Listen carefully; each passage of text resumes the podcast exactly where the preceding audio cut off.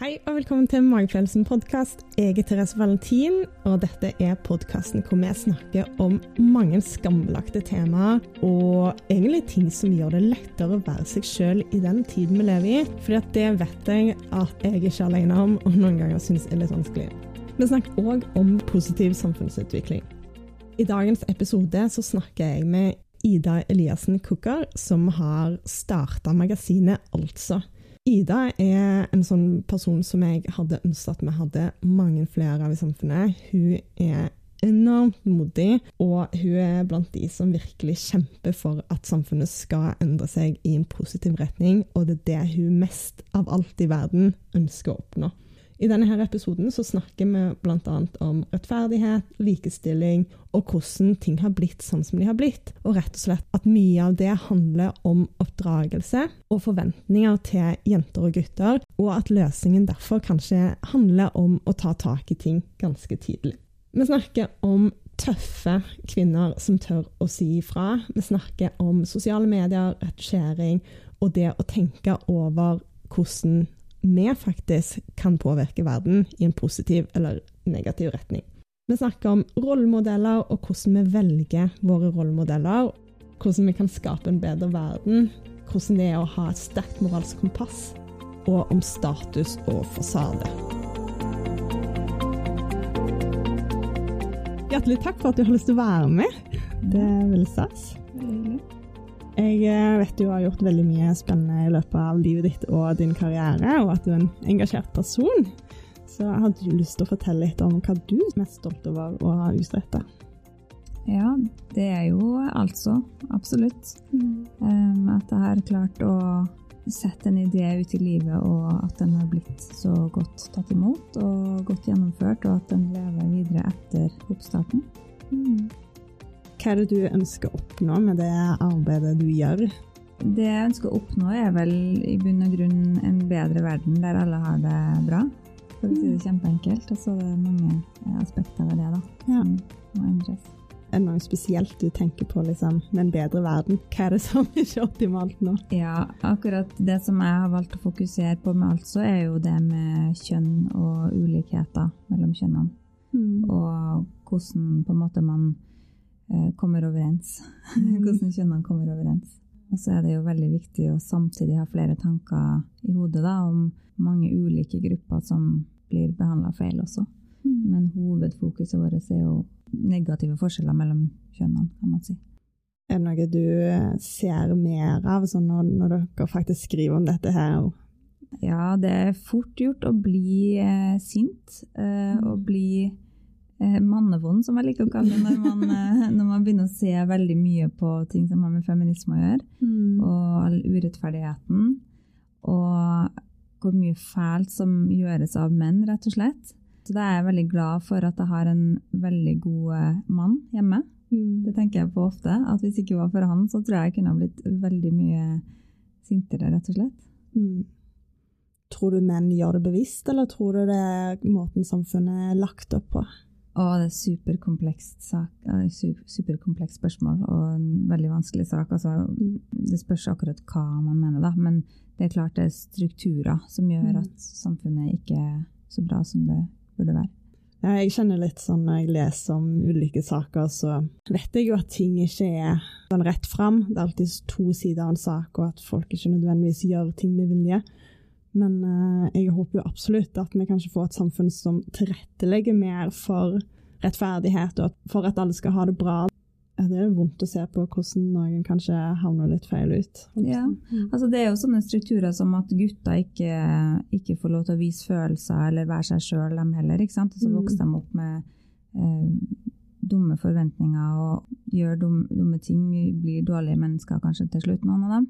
Og det er jo ikke fordi at de egentlig ville det, på en måte. Det, var, det er jo ting de har vokst opp med, og måten de har blitt behandla på, og hele samfunnsstrukturen som gjør at ting blir dårlig til slutt. Mm. Forventninger til menn og kvinner som er ulike, mm. kanskje? Mm. mm. Usunne forventninger til begge. Mm. Har du lyst til å gi meg noen stikkord som uh, beskriver deg som person? Positivt eller negativt? Eller videre? Mm, ja uh, Jeg er veldig handlekraftig. Jeg er ikke tatt bak ei vogn. Jeg gir meg ikke. Og det kan jo være veldig negativt for andre hvis jeg ikke gir meg. Eh, så det er nok eh, veldig slitsomt for mange, men eh, det kan ikke jeg bry meg om. Hvis det er noe som er viktig, så gir jeg meg ikke.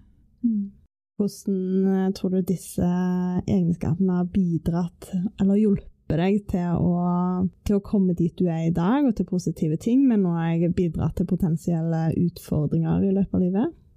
Ja, det har jo ikke vært uh, lett bestandig. Jeg har, jo, jeg har jo gjort veldig mye forskjellig. Så kanskje det er fordi at jeg ikke gir meg på å finne ut hva som gjør meg lykkelig, da, eller hva jeg trives med. Så jeg vil, vil hele tida prøve nye ting. Mm. Eh, hvis en jobb ikke svarte forventningene, så slutter jeg bare. Men i forhold til altså, så har det jo vært helt nødvendig at jeg har vært så sikker på, på saken min. fordi eh, i begynnelsen så var det jo veldig få som trodde at det var en god idé. når jeg mm. kom med det. At det var veldig motintuitivt uh, for folk at man skulle starte et papirmagasin, For Mm. Men da gjorde jeg så mye jobb med meg sjøl at jeg visste hvorfor det var viktig. Det var viktig for meg at uh, flere fikk uh, føle seg sterkere. Og det egentlig så inkluderte meg på det tidspunktet, fordi det har vært en reise hele veien for min del at uh, det å tørre å bruke stemmen min, det turte jeg egentlig ikke når jeg starta mm. der. Mm. Uh, og nå syns jeg det er kjempeartig å skrive kronikker og være med i debatter og ha sterke meninger og vise det og stå for det. Men uh, når jeg skulle opp på scenen på lanseringsfesten vår for snart to år siden, så var jeg sikker på at jeg kom til å besvime, for det var, det, var, så skummelt å stå foran folk. Ja. Mm.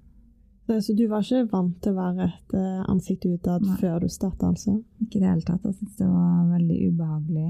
Veldig ja, vanskelig med sånne ting som å bli intervjua og bli tatt bilde av. Og jeg syns det var ganske krevende, og spesielt det med å bruke stemmen min. Det hadde ikke vært i noe debatt hele mitt liv på noe som helst vis før jeg var i live TV-debatt etter et, kan det ha vært, et års tid.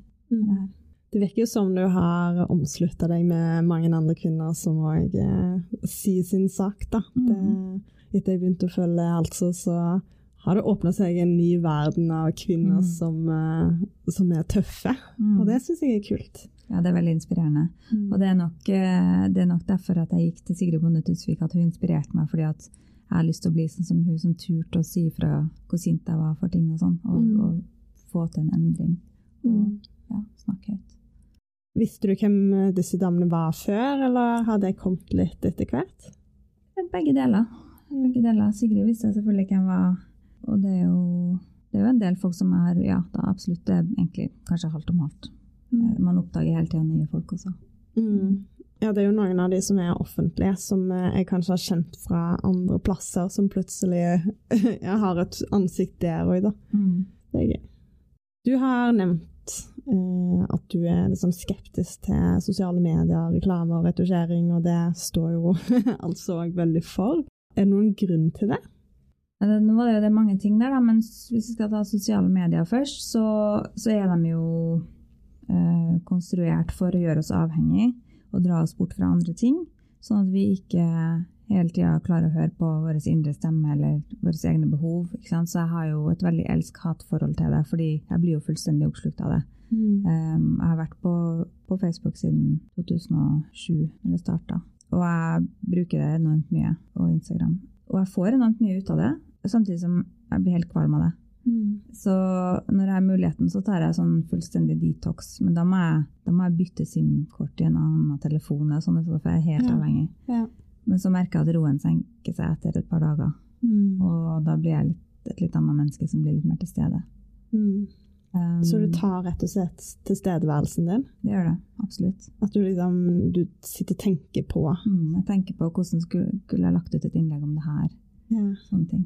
Så det er både pluss og minus. Og altså hadde ikke eksistert i dag hvis det ikke var for sosiale medier, for det er der vi får så å si alle nye abonnenter fra.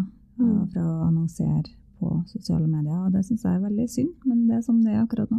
Mm. Vi jobber hele tida med andre kanaler, men uh, ingenting slår det foreløpig. Mm.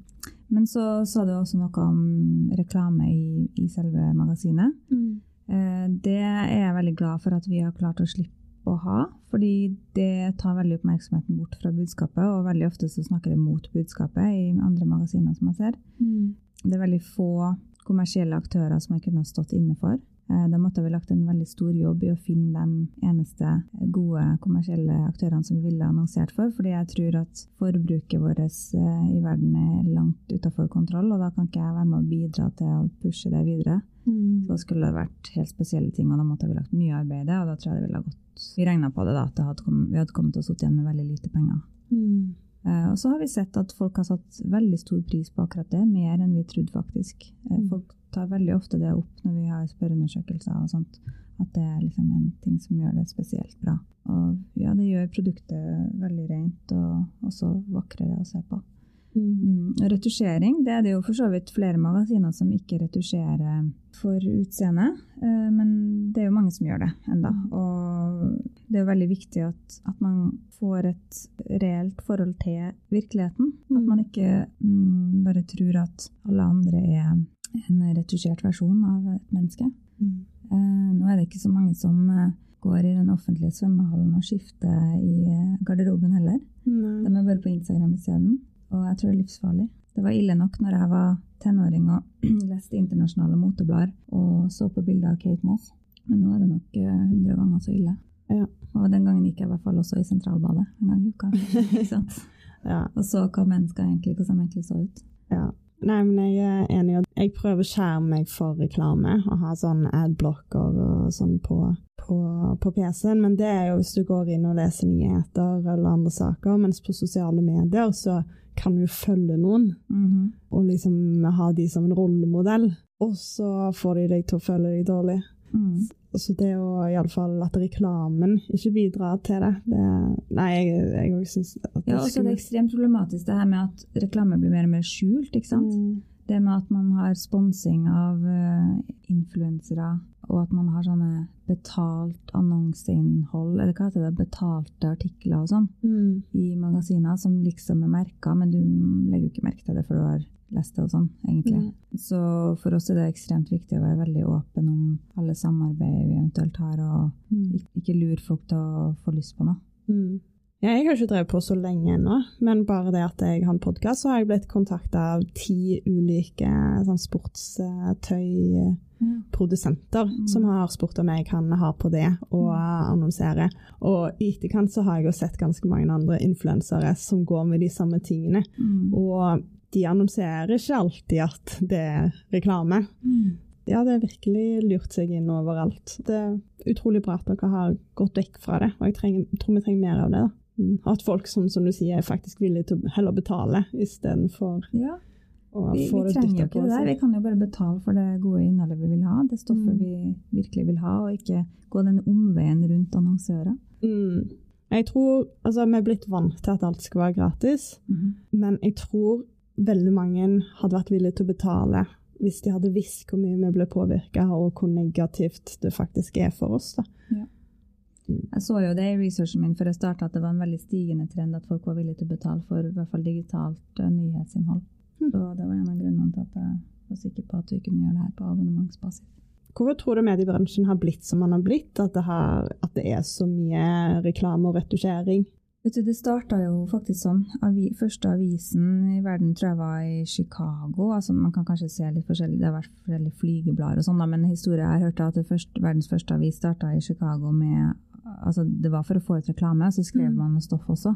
Så det er jo egentlig sånn. Det er jo mer eller mindre sånn det har vært hele tida. Og så har det jo selvfølgelig noen som brenner for journalistikk og med at pressen har en viktig rolle og sånn, men, men man har hele tida hatt med seg den modellen der med at det er annonser som skal bære det, da. Mm. Fordi det er jo enormt dyrt. Det ser jo vi også at vi, vi søker jo ekstra midler for å gjøre ekstra grundig journalistikk fra Fritt Ord. Mm. Men blir vi større, så får vi jo råd til det sjøl også, og det tror jeg jo vi blir. Så vi er jo ikke avhengig av, av ekstern støtte for å gjøre det helt, men det hjelper, da. Og vi vokser jo heldigvis fortsatt. Ja, det, det er synd når folk som ønsker å gjøre ordentlig arbeid, ikke har råd til det i gåsetegn. da. Mm. Mm. Jeg har blitt foreslått liksom, å ha sponsorer på podkasten, fordi jeg er ikke stor nok der, men jeg kan liksom være i en sånn loop med mange andre podkaster, og da kan du få sponsorer. Men det var liksom snakk om McDonald's og Coca-Cola og Ja, og jeg bare Ja, men nei, det går jo mot hele podkasten, og at du i det hele tatt foreslår det, er jo hårreisende, liksom. Men det er sånn, ja, men det er jo penger. Og så er det sånn Ja, men Det er jo Ja, vi har fått noen rare forespørsler, vi òg. Skal ikke si det. Nei.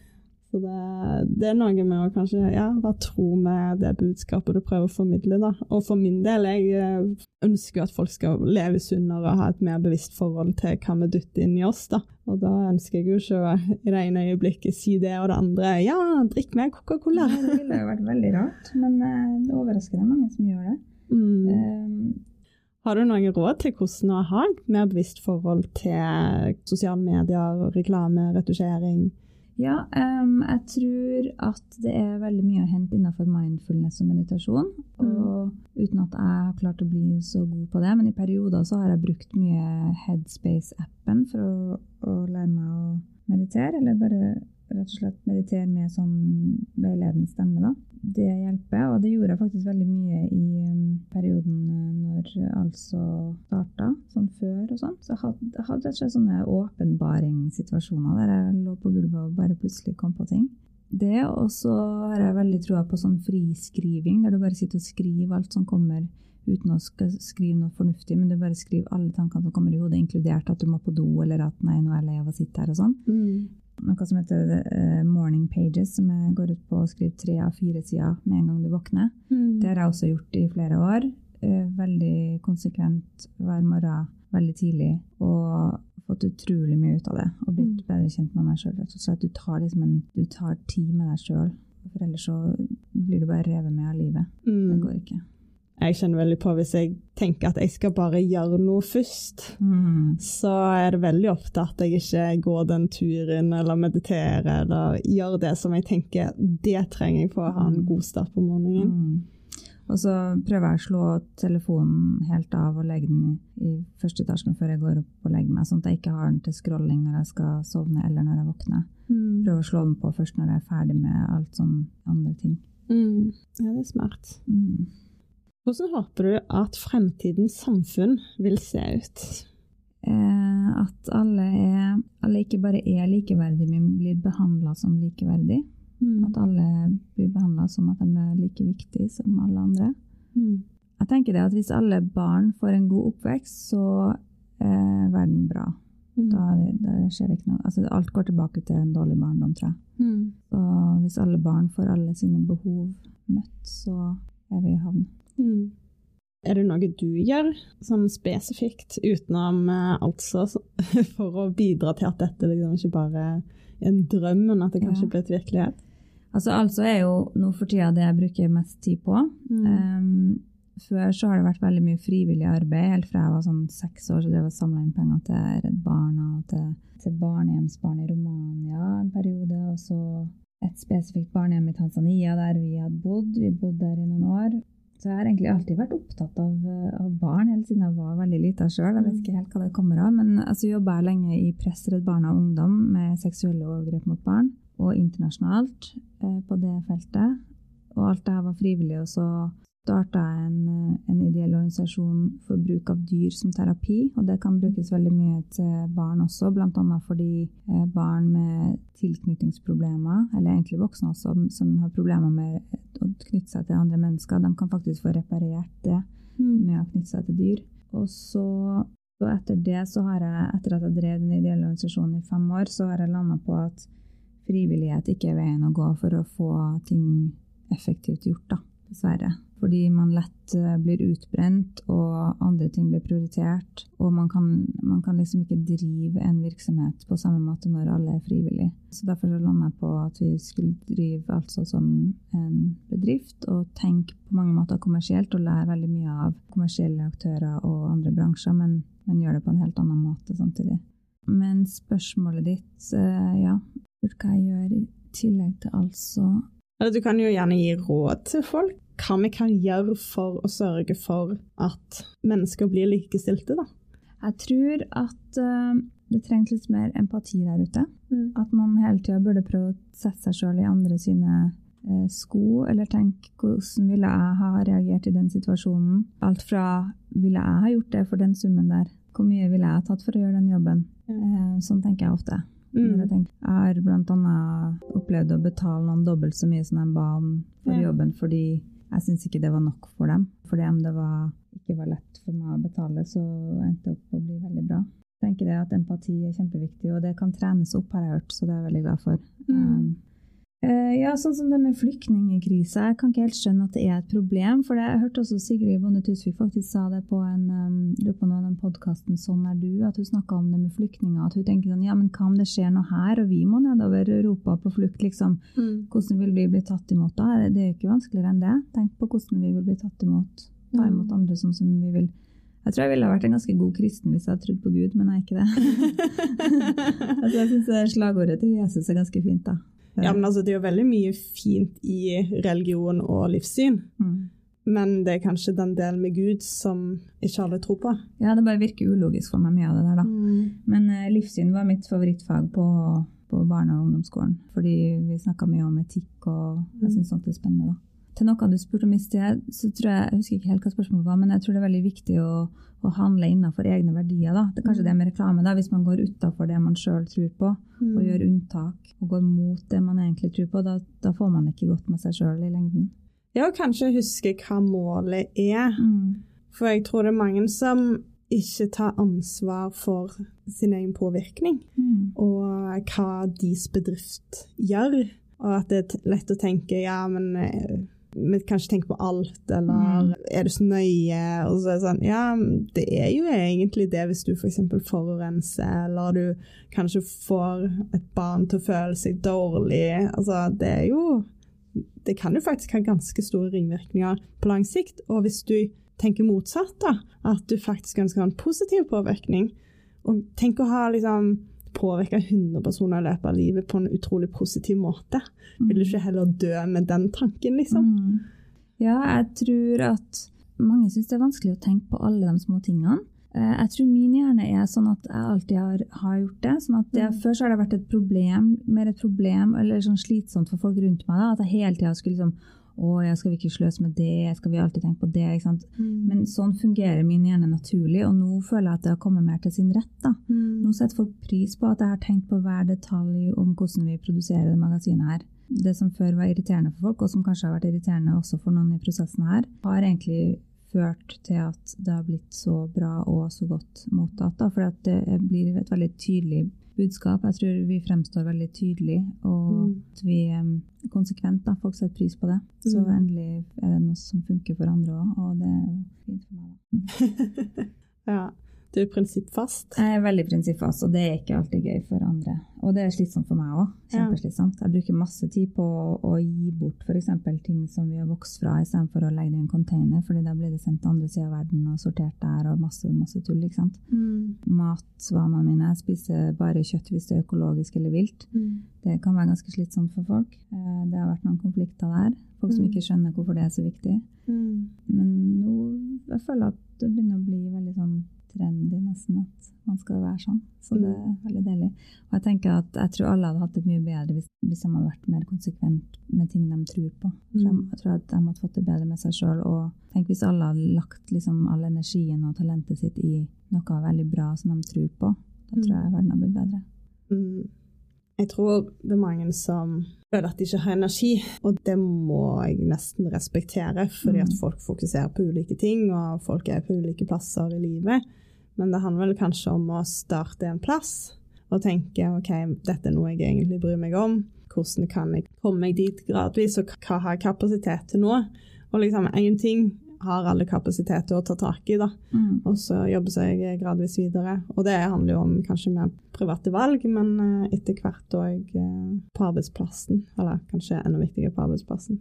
Ja, jeg har det jo selvfølgelig også sånn at noen ganger så tenker jeg bare åh gud, nå går jeg bare og kjøper denne tingen ny for dem jeg kunne ha funnet den på Finn og brukt mer tid og funnet den og sånn. Eh, og gjør selvfølgelig innimellom sånne ting. Så, men det handler jo om energi, da. Det er jo når man er overvelda og stressa og utslitt at man gjør sånne ting. Så det er jo interessant i forhold til debatten om sånn sekstimersdag og hvordan, hvor mye tid vi skal bruke på ting. og Folk merker jo at de har mer tid ofte nå under korona med mindre reisevei og sånn, og merker kanskje at de gjør ting annerledes da. Og så er det jo noe med Altså, ja, netthandel så kan det være at det er raskere å handle på nett enn på Finn. Men eh, det ligger jo veldig mye tilgjengelig på Finn òg. Ja, jeg syns faktisk det er vel så, vel så kjapt. Altså, jeg handler handla veldig mye på Finn i det siste, og da kommer det med helt hjem ofte. Og kommer kjempefort og billig og helt gull. Mm. Men eh, tenk på en annen ting i forhold til det med Jo, jeg tror mange tenker at de ikke er store nok til å gjøre en forskjell. Så de tenker at de er ikke motivert nok til å tenke at det ikke har noe å si hva de gjør. Mm. Eh, og det er en ting som jeg har tenkt på i det siste, at den her eh, sosialdemokratiske ideologien som stort sett har vært førende her i landet, har jo handla om at staten skulle ordne opp med ting, og helheten, og vi skal alle gjøre det, og hvis ikke alle gjør det, så er det ikke noe vits. Og det tenker jeg er et problem, at, at det er bare høyresida som skal få lov å si at det er viktig hva enkeltpersonen gjør. Fordi det er kjempeviktig. Vi har veldig mange enkeltpersoner som har gjort en kjempeforskjell Mm. i historien. Ja, absolutt. Jeg tror jo egentlig at det er enkeltpersoner ofte som ja, virkelig utgjør en stor forskjell, da. Ja. Det er bare å se på Greta Thunberg eller Ja, ja. hvem som helst, nesten. Det er så mange sånne. ja hun hadde jo et nettverk bak seg, Ja. eh, og spesielt etter hvert, men allikevel så Du starta vel bare på egen hånd, eller? Ikke? Det er litt sånn debatt rundt det, men det, men det kan jo være at du Men du fremstår som en enkeltperson, og det er jo det som er viktig tenker jeg, for den som mottar det. Eh, Du Mm. blir inspirert av et menneske. Ja. Ja. Man, man, det, er jo, det er jo mennesker vi ser til. Ansikter, Mm. personligheter. Det er dem vi lar oss inspirere av. Mm. Så, Ja, sant. Så selv om det var et team bak, og det, altså det har vært litt debatt rundt det, og folk påstår det ene og det andre fordi at du har ressurssterke foreldre, blant annet. Og, men eh, allikevel så var det jo hun. Folk trodde at det bare var Ja. hun, mm. og det var nok. Og eh, hun har jo fått en helt unik stemme. Mm. Jeg jeg syns jo det er mye tøffere enn alt annet. Mm. Hva syns du er det beste og det vanskeligste ved å ha et sånn sterkt moralsk kompass som du har? Det vanskeligste med det er kanskje at det bare er mer slitsomt. Det hadde sikkert vært lettere å ta snarveier. Mm. Det beste med det er at jeg slipper egentlig å på en måte å ta og gruble på hvert aspekt hele tida, fordi jeg vet hva, hvor kompasset går hen. Mm. Så det kan være derfor òg at hjernen min er sånn at den, eh, at den er litt for Det vil ha litt enkle løsninger. Mm. Altså, jeg går ikke på rødt, for da må jeg tenke så masse om hvor det kan komme biler fra og sånn, ikke sant? Ja. Så da følger jeg bare reglene. mm. Vet ikke hva moralen i det er, men sånn er det. Nei. Jeg syns det er dumt at det skal være vanskelig, for jeg tror det er ganske mange som har et sterkt moralsk kompass, som tidvis syns det er slitsomt, og da nevnte du òg at du eh, har møtt litt motstand, og Mm. at du har kjent at det har vært vanskelig. Men hva, sånn før altså, føler du at du brukte stemmen i, på en annen måte? Før du på en måte ble trygg på deg sjøl? Ja, jeg gjorde vel kanskje det da til, til venner og, og enkeltpersoner og sånn, da, at jeg fortalte om mine overbevisninger om f.eks. det med dyrevelferd og, og, og menneskevelferd i produksjon og sånne ting. Mm. Uh, men det, det kunne jo føre til at folk ikke gidda å, å være så mye sammen med meg. Kanskje de følte at jeg ville dømme dem hvis de ikke gjorde det samme. Det gjør jeg sikkert tydeligvis også. Men samtidig så har jeg også gode venner som lever helt annerledes, som jeg klarer å, og det klarer jeg å overse. liksom. Mm. Men det kan være lettere å omgås folk som du som tenker litt likt? Nei, jeg syns egentlig ikke det. Altså, for jeg, jeg syns det er veldig artig, og jeg har også gode venner som er Egentlig så tror jeg alle mine gode venner er veldig annerledes enn meg. Altså Ja. veldig annen personlighet. Jeg syns det er mye artigere egentlig å ha noen som jeg kan spare med og være uenig med. Jeg har folk med veldig andre meninger. Ikke sånn Jeg kan ikke si at jeg har som er sterkt antifeminist, liksom. Det er jeg kanskje ikke. Mm. Eh, men jeg har veldig lyst til å diskutere med sånne på en saklig måte. Så langt har det ikke vært så mange gode saklige diskusjoner i kommentarfelt, men eh, jeg tar veldig gjerne en eh, face-to-face-debatt med Kjetil Rollenes f.eks. om en del av tingene som vi har snakka om, men han turte ikke. Nei. Eller det vil si, han svarte at han ikke ville skremme meg eh, med å møte opp fordi jeg var jo redd for menn, eller noe sånt. Så usaklig på tekstmelding. Mm. Ja, ja. Er det noen personer eller personlighetstrekk som inspirerer eller motiverer deg? Eh, veldig mange personer inspirerer og motiverer meg, og det handler mye om folk som tør det som andre ikke tør. Folk som eh, gjør forskjellige ting. Eh, sånn som jeg liker veldig godt å følge med på Jan Vardøen, som hele tida finner nye sider av seg sjøl og, og gjør noe nytt kjempekult. Sånn, som multitalenter syns jeg er veldig artig. Så Så det handler sikkert om uh, ting som jeg har eh, mer eller mindre bevisste drømmer om, da. Mm. Uh, så det har jeg følt litt med på i noen år. Hvem jeg ser opp til, og prøve å finne ut hvorfor og sånn. Mm. Fordi når det gjelder Jan Vardøen, så er det kanskje fordi at jeg også har veldig mange sider ved meg sjøl. Sånn at jeg kanskje drømmer om å få utløp for helt forskjellige ting, da. Kanskje i ulike perioder. Jeg skal sikkert gjøre andre ting enn altså også senere. Mm. Rett og slett folk som ja, utfordrer, gjør nye ting, og Mm. ikke bare har liksom én ting de interesserer seg for. Mm. Mm. Og absolutt at de eh, gjør det for, for andre også. Jeg blir ikke inspirert av folk som bare gjør ting for sin egen del. da. Jeg misliker veldig sterkt sånne, som, sånne gründergutter som bare skal starte en eller annen app bare for å bli rik. Da Mm. blir jeg ganske dårlig. sånn som på Hvite gutter, hvis du har sett den. Eh, Mm. Der er det liksom den stereotypen der, da, som bare skal finne på en eller annen app bare for å bli neste Zuckerberg, liksom. Ikke fordi at de har noe de vil lage eller vil gjøre eller Mm. forbedre.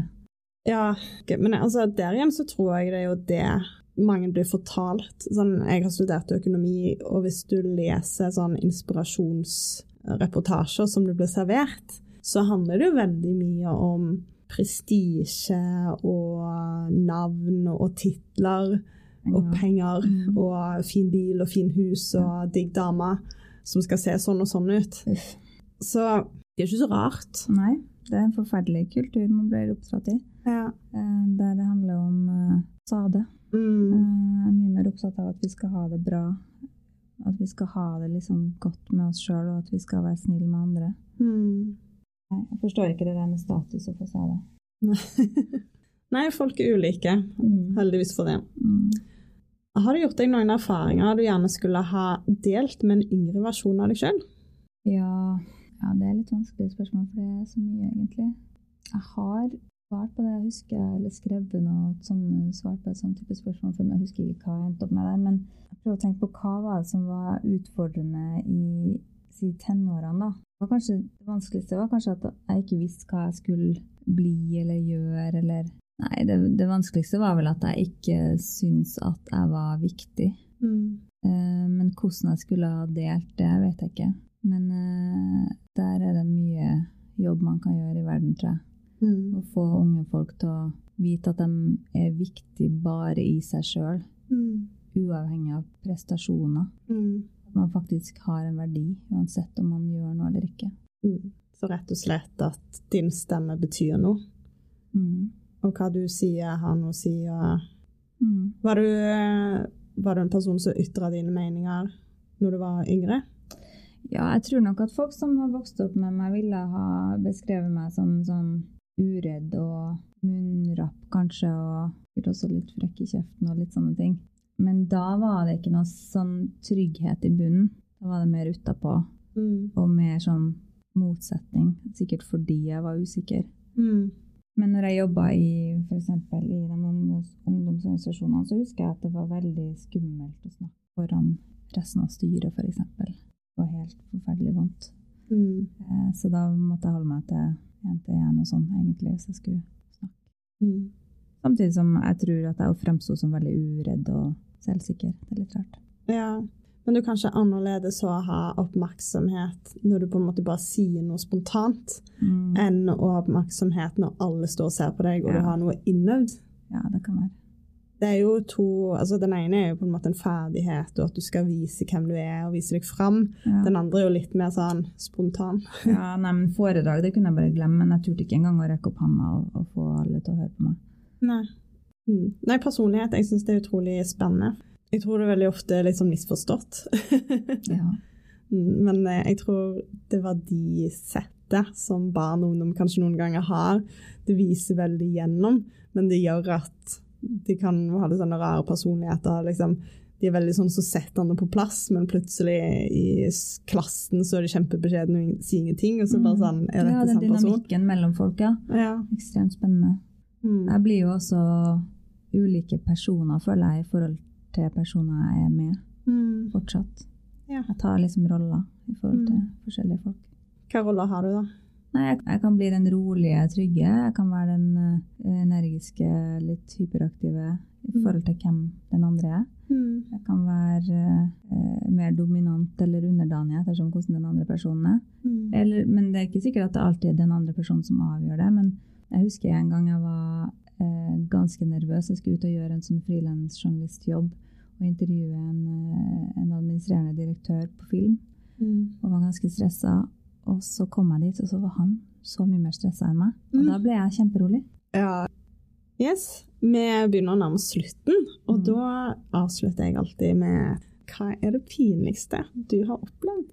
Vet du hva, jeg, jeg, jeg kommer ikke på noe som er så pinlig at det er verdt å nevne, og ikke for pinlig til at det går an å si. Skjønner du? altså hvis det, jeg kommer faktisk ikke på en, en konkret ting, men jeg tenker hvis det er skikkelig pinlig, så er det kanskje så pinlig at jeg ikke kan si det. Er det noen spesielle ting som gjør deg flau? Mm. Ja, ok, greit. Jeg kan si en ting som faktisk var veldig flaut. Det er det eneste jeg kom på som var skikkelig skikkelig flaut. Det var at uh, jeg var på den nakenspaen uh, på The Well Mm. med mannen min. Og eh, jeg, jeg kledde faktisk av meg. Det, er- det var litt sånn at du, du måtte ikke den dagen, tror jeg. Men Mm. så gikk jeg, husker, jeg husker det fortsatt, at jeg gikk liksom fra hang frem med badekåpa til jeg gikk ut i vannet. Og det var altså så grusomt. Det, det er noe av det verste jeg har vært med på. Så det å være naken Jeg drømmer mye at jeg er naken foran folk. Det betyr jo noe. Ja. Mm. Avkledd. Mm. Ja, det er sånn Jeg, eh, jeg har ikke vært der ennå. Men eh, jeg tror for meg sånn det å være naken blant fremmede, det syns jeg ikke er farlig. Men jeg tror jeg hadde hatt sånn en stor angst for å møte noen som jeg vet hvem er. Helt enig. Det hadde vært enda verre. Mm. Jeg møtte ingen der. Nei. Men jeg tror, det, ja, jeg tror det er den delen som på en måte hindrer meg litt. For jeg har jo hørt at det er helt fantastisk, men jeg har liksom ikke Mm. Helt kommet så langt. Men det går, jeg tror det er en dag i uka man kan gå der med badedrakt. Så. Spennende. Mm. Tusen takk for at du å være med. Ja, takk for meg. Hvis du liker denne episoden, så lytt veldig gjerne til mange av mine andre episoder. Selv om de ulike episodene har ulikt fokus relatert til bærekraft, bistand, mental helse, helse og likestilling, så har alle til felles at vi tar opp temaer som er litt vanskelige å snakke om, og temaer hvor vi kanskje trenger litt endring. Og jeg har veldig lyst til å snakke om alt som er skambelagt i samfunnet. For det tror jeg, og forskning viser òg, at det er eneste måten å bli kvitt skam på. For skam kan faktisk ikke overleve hvis vi snakker om det. Prøv det for deg sjøl, og snakk om noe som du syns er ganske ubehagelig. Så skal du se at plutselig så er det ikke så skambelagt lenger. Det er ganske digg. Kos deg, lag deg en fin dag, så ses vi tilbake her om en uke eller to. Ha det.